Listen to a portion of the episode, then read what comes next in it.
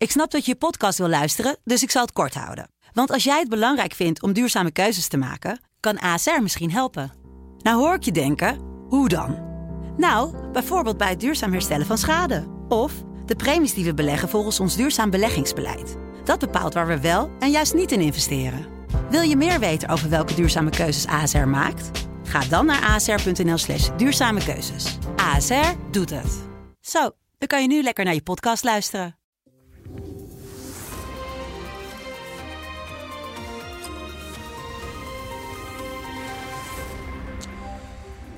Welkom bij het gesprek met Paul Jansen, de hoofdredacteur van Telegraaf, waarmee we elke week doornemen wat hem bezighoudt in het nieuws. Paul, welkom. Uh, voordat we het over uh, uh, Natuurlijk Gate gaan hebben, eerst even ja. stilstaan bij het overlijden van Hans van Balen. Een man die ik ook in mijn journalistieke carrière nog wel eens geïnterviewd heb. een heel tragisch verhaal. Kort van tevoren horen dat je echt heel erg ziek bent en dan een paar weken later is het al zover. vreselijk. Ja, schokkend, schokkend nieuws. Uh, kwam voor mij ook als een, een volslagen uh, verrassing. We hadden heel sporadisch, nog wel eens via, via de app, app contact. maar dat hij, dat hij zo ernstig ziek was, ja, was, was ook onbekend. Maar een begenadigd politicus, een, echt een schat van een man. Ja. en, en ook wel een, een, een politicus met een, een, neusje voor publiciteit. Hij wist precies hoe hij ook ons moest bespelen. Praat ook vrij om, makkelijk.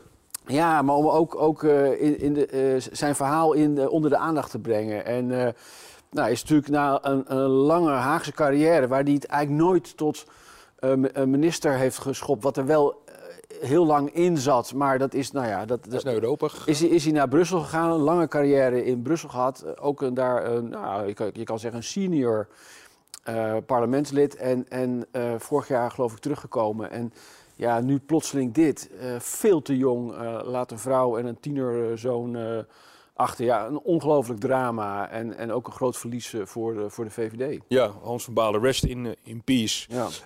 Um, we gaan het over het notulen-debat hebben. Ja, dan ga je van zoiets zwaars gaan we naar de waan van de dag. Dat zijn altijd Terwijl we eigenlijk zouden moeten bedenken, jongens, je ziet het is allemaal zo relatief. Geniet, ja, maar geniet ook van het leven. Het kan zo voorbij zijn. En, ja. en, en nou ja, nou goed. We gaan nu weer navelstaren in Den Haag. We, we, gaan over naar de notulen. Ja. We zijn al wekenlang, uh, is er boosheid in uh, oppositie of het, of het bestuur van het land wel of niet eerlijk verloopt. Ja. Uh, nou, dat, dat, dat was een soort vulkaanuitbarsting. Maar die zag je gisteren, zag je die langzaam een beetje uitdoven. Dat proces zagen we gebeuren.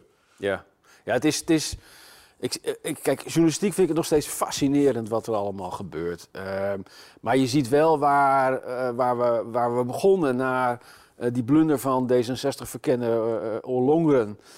met dat functie elders voor Pieter Omzicht. Een enorme verontwaardiging van, van hey, wat voor machinaties zijn hier gaande bij de zoektocht naar een nieuw kabinet, hè, want we waren met een formatie begonnen, zie je wel dat het, dat het en de verontwaardiging ook over, over wat ging natuurlijk over de, de, zijn kritische houding, met name in die toeslagenaffaire. Ja.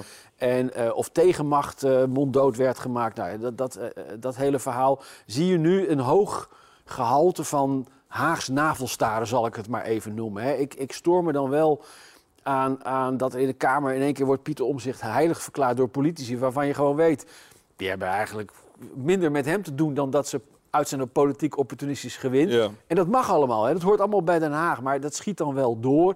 En het andere is dat bewindspersonen door het vrijgeven van de, waar, door het vrijgeven van natuurlijk blijkt dat ze ook wel met hun vingers tussen de deur zitten, omdat ze uitspraken hebben gedaan over Kamerleden, wat overigens niet verboden is. Zie je dat die, dat die bewindspersonen allemaal, allemaal heel nederig beterschap beloven, of het allemaal niet zo hadden bedoeld. En, en uh, ik moet vaak denken aan uh, de uitspraak van uh, voormalig D66-politicus Alexander Pechtel. Die zei: politiek is fel en funzig. En dat is het namelijk ook ja. wel. En er wordt hier de hele tijd geprobeerd te doen alsof dat niet zo is. Ja. Maar uh, we zijn toch wat opgeschoten, ondanks dat, dat het hoge halte navelstaren krijgt. Waarbij je ook het gevoel hebt, en we hebben dat eerder in de week ook gepubliceerd op onze voorpagina uit, uit uh, werkgevers- en werknemershoek van ga nou het land besturen. We zitten in een enorme coronacrisis. De gezondheidscrisis loopt op zijn einde. Maar de economische crisis moet nog aangepakt. Dat vraagt om daadkrachtig bestuur van een nieuw, stabiel kabinet. En die, en die prioriteit leek langzaam gisteren ook een beetje nou, in te sluipen. Ja, en dat is ook interessant. Maar dat komt ook om, omdat er wel iets is veranderd. Want waar aanvankelijk de politieke carrière van premier Rutte aan een, uh, aan een zijdraad hing, hè, ehm, zie je nu dat door de tijd heen en ook door het vrijgeven van die ministerraad natuurlijk dat dat er een beetje uh, gedeelde smart is halve smart. Dus er zijn meer bewindspersonen die vuile handen hebben gemaakt en uh, daardoor gaat de aandacht niet alleen maar meer op, op, nee. uh, op de VVD-leider, maar, maar, ook op andere ministers, ja. andere leiders van, van politieke partijen. En, en dat brengt hem meer in veiligheid. Het is nog niet, zeker niet gezegd dat hij ook weer een nieuw kabinet kan gaan, luiden, gaan nee. leiden. Al wordt de puzzel zonder de VVD nog steeds ingewikkeld.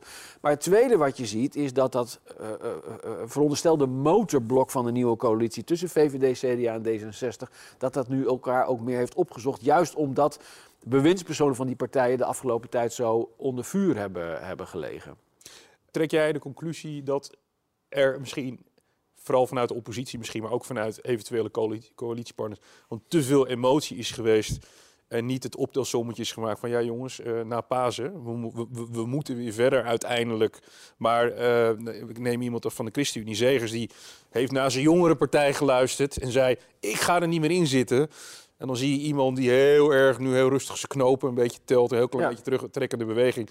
Waarvan nou ja. ik denk, joh, jij zit toch ook in de politiek om een heel klein beetje de emotie uh, heel klein beetje buiten de deur te houden, een beetje de lange termijn in de gaten houden. In ieder geval, ja, ik denk dat Segers onder enorme druk stond en dat ook zo heeft ervaren van zijn eigen partij. Dat gaat echt niet alleen om een jongerenafdeling. Dat die, dat die vond, ja, ik moet nu, hè, want hij is toen, uh, ik, ik geloof vlak voor, uh, op Goede Vrijdag, zo heeft hij, heeft hij de publiciteit ja, gezocht. Toen, ja. of daaromtrent. En, en hij vond kennelijk dat hij dat statement moest maken.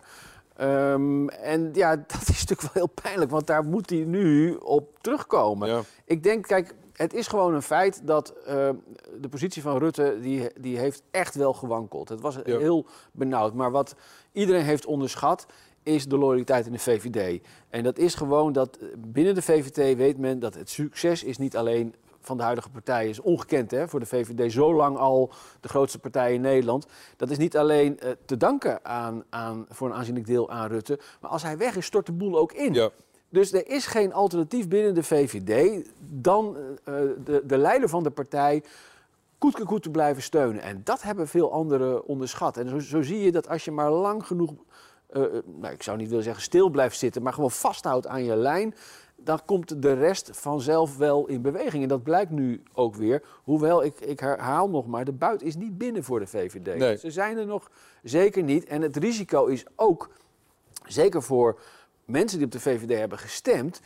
dat uh, de partij van Rutte in de formatie nu veel offers zal moeten brengen aan D66, CDA en ChristenUnie of een andere partij die, die ja. aanschuift, uh, om ze weer mee te krijgen. Dus de onderhandelingspositie in de formatie kan ook nog wel eens zijn verzwakt. Maar is Rutte 1, 2, 3, 4? 4? Ja. Wel een stapje dichterbij gekomen?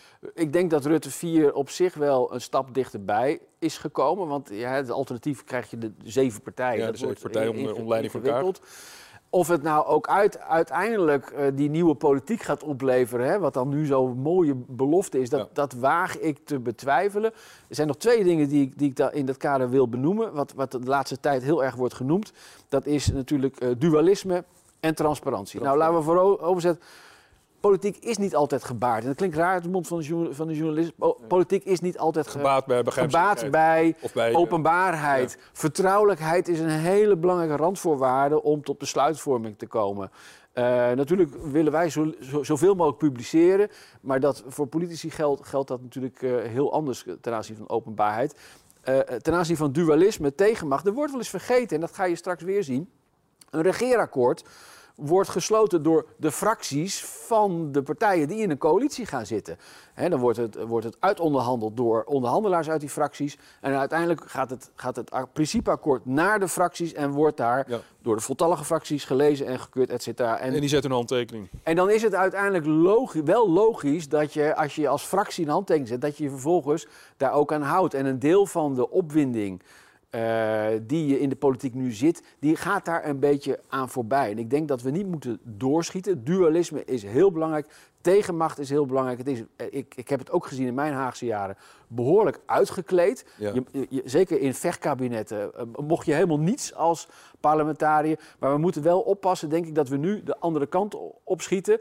Dat volksvertegenwoordigers, Tweede Kamerleden straks over een regeerakkoord kunnen zeggen... ja, maar daar ben ik helemaal niet meer aan gehouden. Want dan wordt het een puinhoop. En Um, ja, er moeten zaken veranderen, maar er is zeker ook behoefte aan waar we het net over hadden, die coronacrisis, aan een stabiel, stevig kabinet. En dat kan niet functioneren als er basisafspraken straks, die echt nood, noodzakelijk zijn om uh, uh, goed beleid te kunnen maken uit de coronacrisis, als dat niet meer zou functioneren.